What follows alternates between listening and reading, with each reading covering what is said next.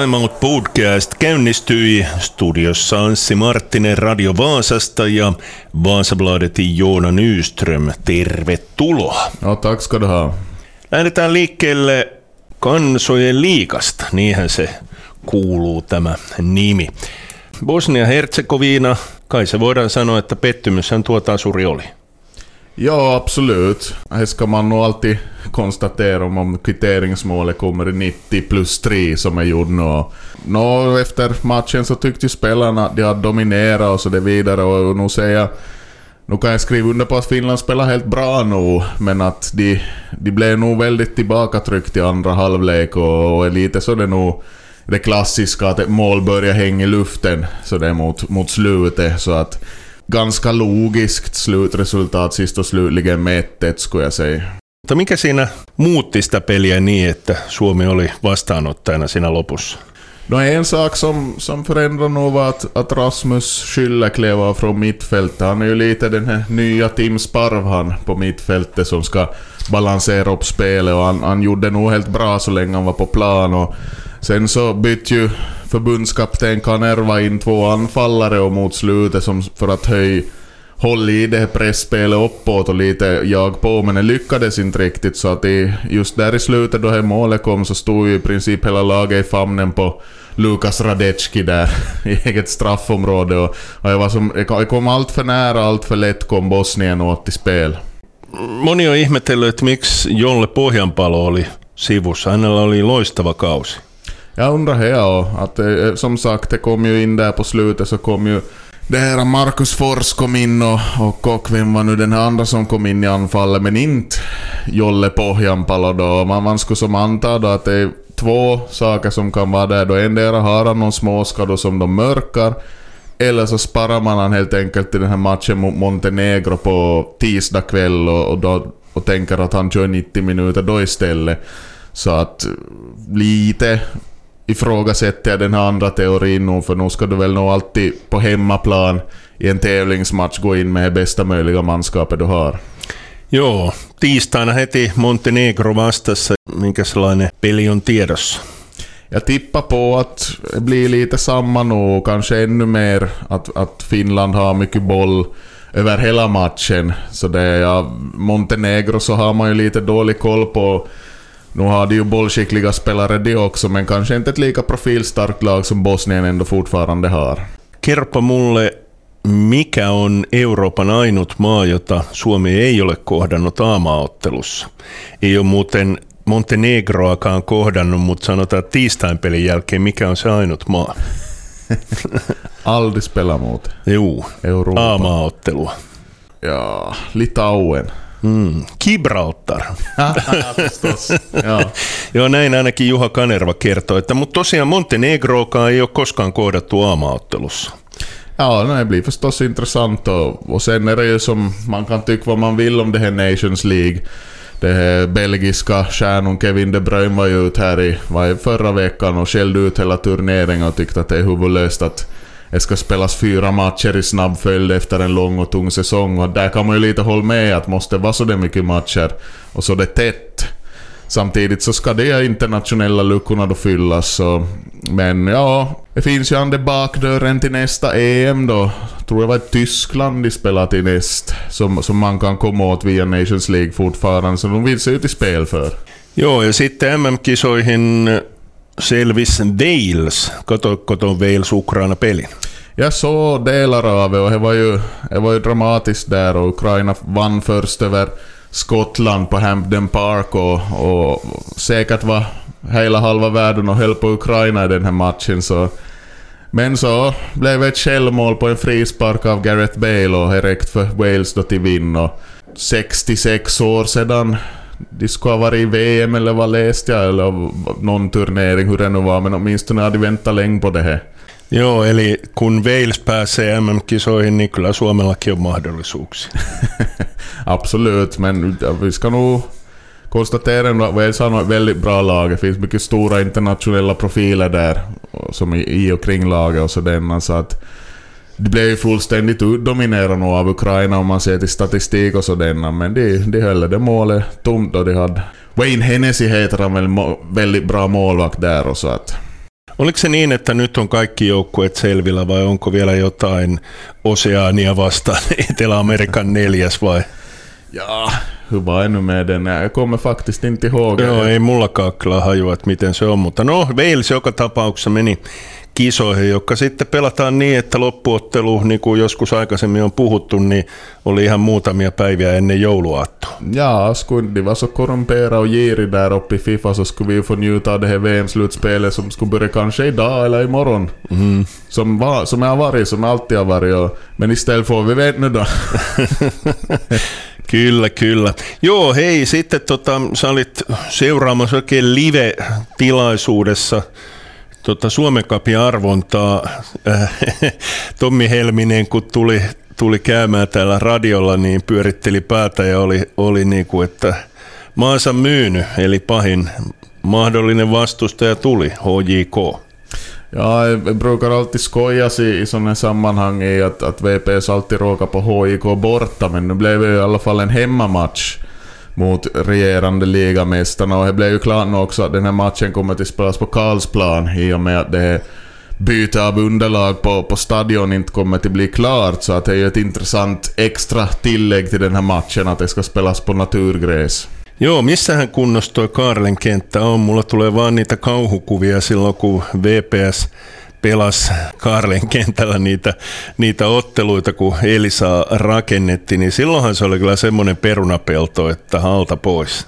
Ja, det var inte kanske världens bästa skick att nu, nu har han väl blivit använd just någonting, så att jag vet inte, jag, jag kom ju på i morse att det var jag glömde igår. Jag tänkte jag skulle ha farit via bara på skoj och besikta den här planen och sitta lite hur det ser ut.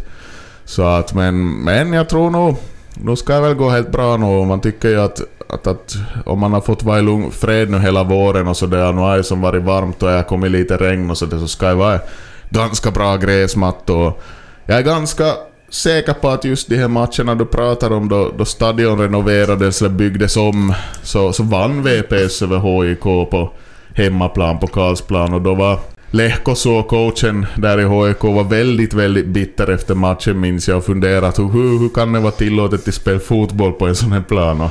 Joo, mä muistelin, että Lehkosuo ei ollut muutenkaan vahtimestarien näitä ylimpiä ystäviä, että taisi olla, taisi olla niin, että heille, heille aina heitti aika pahaakin miina. Ja, han lär väl nog ha klagat på, på den här gräsmattan på Sandviken, på gamla Sandviken, men han, han, han brukar ju vara i bra skick. Mm, kyllä, kyllä.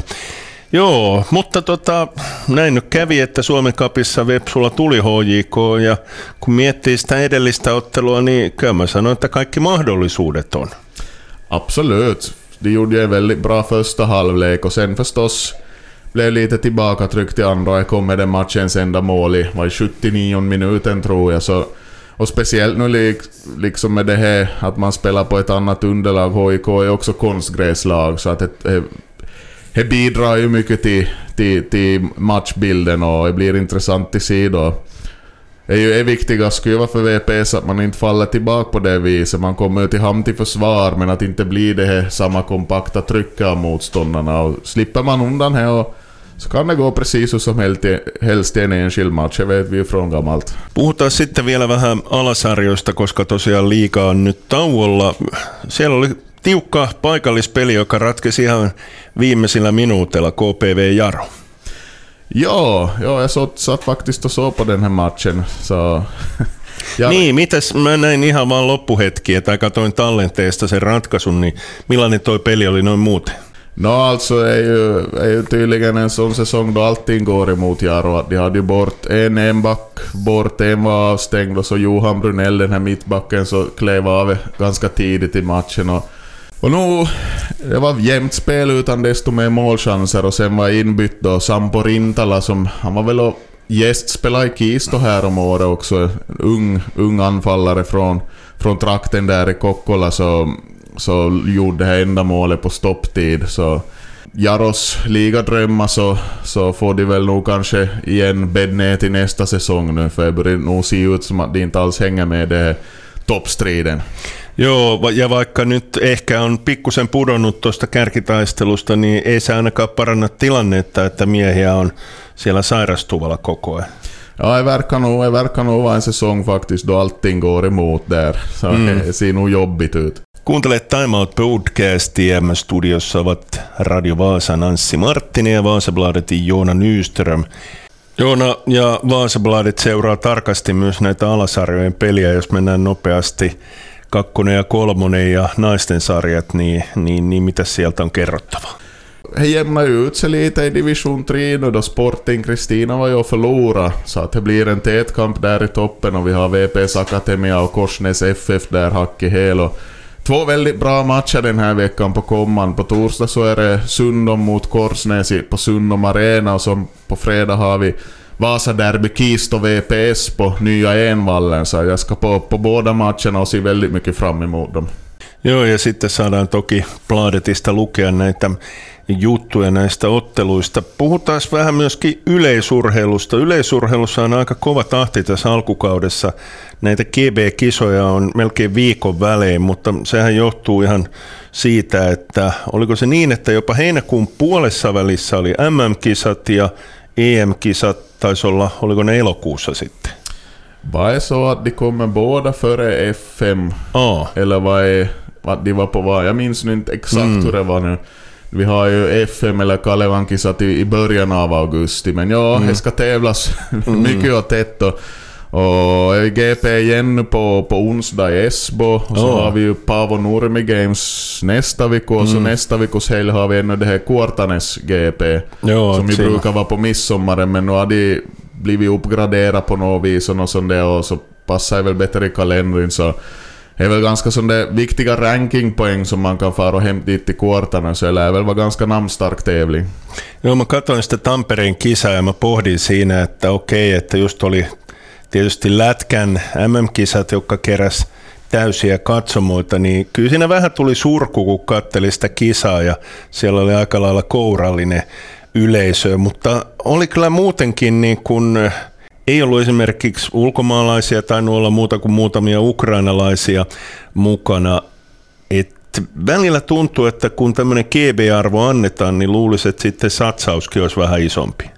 No är ju att de här inhemska GP-tävlingarna så är ju de här lite mer vardag, men är ju, är ju just Paavo Nurmi som ju inte är en GP-tävling då, utan är väl vad nu är för mm. status han har så brukar ju vara den första stora tävlingen på sommaren i Finland. Bland annat har de ofta högklassig spjuttävling där och det lär det väl bli i år också.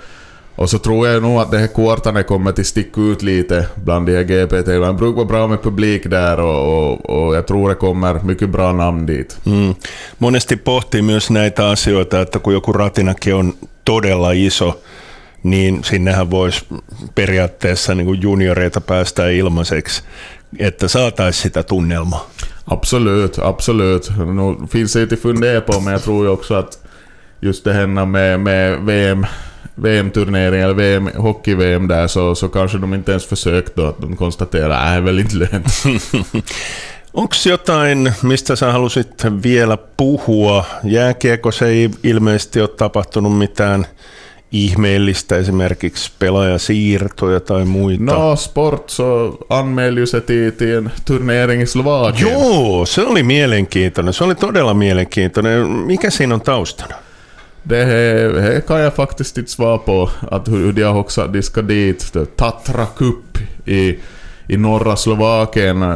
Intressant blir det ju förstås. Ja, det fanns en gammal sportprofil med där som tränar i i det här ena laget som deltar. Och det var Banska Bystric, Antti Karhula. Han spelade en halv säsong ungefär i sport och varit tränare i Hermes, så jag vet inte mm. om det finns något samband där då eller var, var det ligger. Men det häftigast nästan är att Jaromir Jagers lag kom, till, kom dit, Rytiri Kladno, som klarade sig kvar i tjeckiska ligan genom kval och, och Jager var med och spelade ännu 50 år gammal, så man skulle hoppas att han är med i augusti där och Joo, ja taisi olla niin, että Jaagar pelaa vielä ykköskentässäkin. Siinä taisi olla rinnalla joku tämmöinen vanha huippupelaaja vielä, ja Jaagar vetää itsensä sinne tolpan viereen ja pistelee sisään siitä. Ja, no han äger ju klubben så är väl svårt, om han vill spela i första kedjan så spelar han där. Mm, kyllä, kyllä. Niin, sitten vielä piti sanomaan se, että nyt selvisi esimerkiksi Mikael Keräsen pelipaikka, eli suunnaksi tulee Saksa. Ja, är ju inte första spelaren som var från sport i Tyskland. Flera av de här utländska spelaren vi har haft har ju också farit vidare till Tyskland och Tyskland har ju lyft sin profil så det är väl lagat. det lär väl vara så att Spelar du åtminstone i någon av de bättre klubbarna i DL1, alltså högsta ligan, så är lönenivån precis lika bra som i Finland. Så att där finns en ny konkurrent för, för FM-ligan. Joo, sitten on mielenkiintoista tietysti nähdä se, että mikä tulee olemaan sitten näiden kaikkien KHL-pelaajien osoite. Osahan on jo löytänyt seuraa, mutta taitaa siellä aika paljon olla vielä pelaajia, jotka ei ole löytänyt seuraa. Mikä on esimerkiksi Marko Anttilan tilanne? Ei hänellä taida Ilveksen kanssa esimerkiksi sopimusta olla. Ja, no, vi får se om de, de förlänger med han där. Det här, många, många av de här finländska KHL-spelarna har ju farit till Sverige. Det har ju, har ju blivit fler och fler. Nu var Ville Pocka senaste som skrev på för Färjestad. Så att det lär väl bli fler kanske till och med och förstås här i stan så är ju folk, går folk och muttrar att ja men varför skulle inte Sport kunna ta in någon av de här KL-spelare men det handlar väl om, om skattkistan på nytt där att vi får ju se, det ska väl nog komma in någon förstärkning till i Sport och kan man anta. Men det blir väl först då får vi vet mot augusti då vad, vad kan tänkas bli. Mm, Vaasan jäähallis kyllä heinäkuun puolesvälissä on sitten paljon huippupelaajia, mutta se johtuu tästä hyvän tekeväisyyspelistä. Ja, ja, det blir intressant nu att se om de får några riktigt stora namn ännu. Jag har ju pratat lite om Mikko Rantanen till exempel, Oi. att han skulle vara aktuell. Mm, mutta onhan siellä yksi todellinen suomalainen jääkiekkolegenda ja moniakin, mutta Pekka Rinne. Ja, Yksi ja. kaikkien aikojen parhaista maalivahdeista. Absolut, absolut. Att det, var ju, det var ju trist att inte han fick vara med och vinna Stanley Cup med tanke mm. på hur bra han var då han var som bäst i NHL. Kyllä. No niin, nyt on puhuttu paljon. Tuleeko mieleen enää mitään, mistä voitaisiin jutella? Nej, får väl Hei, bra. Kalle Samoja. Kalle Samoja. Onko kuullut hänen golfvoitosta. no är nog helt offside. Joo, 300 000 euroa, semmoisen mäkin ottaisin mielelläni vastaan voitosta. Saksas voitti kilpailun, mutta eiköhän me pistä... No niin. om inte jag är helt borta ute och cyklar så börjar väl U18-VM i hockey för, för damer nu.